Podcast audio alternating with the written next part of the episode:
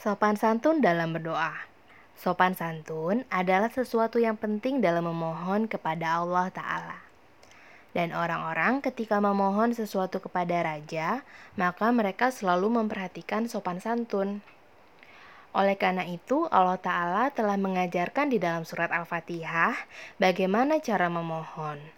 Di situ diajarkan, Alhamdulillahi Rabbil Alamin yakni segenap pujian hanyalah bagi Allah yang merupakan Tuhan sekalian alam. Ar-Rahman, yakni yang memberi tanpa diminta. Ar-Rahim, yakni yang memberikan imbalan dan buah-buah atas kecintaan hakiki manusia. Maliki yaumiddin, yakni ganjaran pahala dan hukuman ada di tangannya. Jika dia kehendaki, maka dia lestarikan.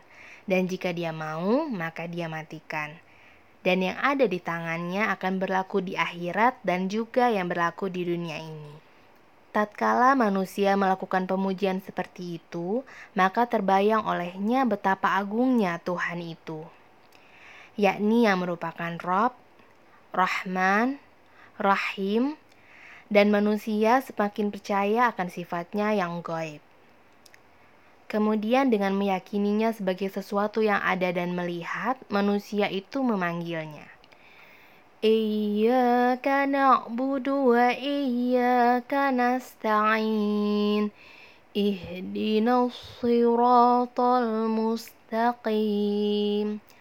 Yakni, tunjukilah suatu jalan yang betul-betul lurus dan tidak ada kebengkokan apa pun padanya ada satu jalan yang merupakan jalan orang-orang buta, yakni mereka susah payah menempuhnya, lalu mereka menjadi letih dan tidak ada hasilnya sedikit pun. Dan ada satu jalan lagi yang dengan melakukan upaya gigih di dalamnya, maka akan diperoleh hasil.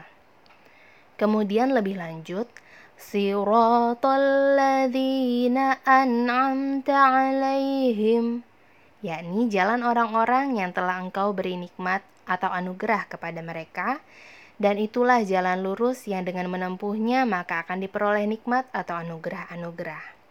Lalu, Ghairil maghlubi alaihim yakni bukan jalan orang-orang yang telah engkau murkai dan walawwalin dan bukan pula jalan orang-orang yang terkutuk yang dimaksud dalam ihdinas siratal mustaqim adalah alas bagi pekerjaan-pekerjaan dunia dan agama.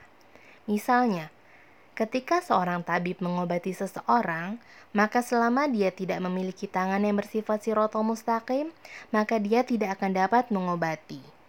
Demikian pula terdapat suatu sirotol mustaqim bagi segenap pengacara, dan setiap profesi, serta bagi setiap ilmu pengetahuan.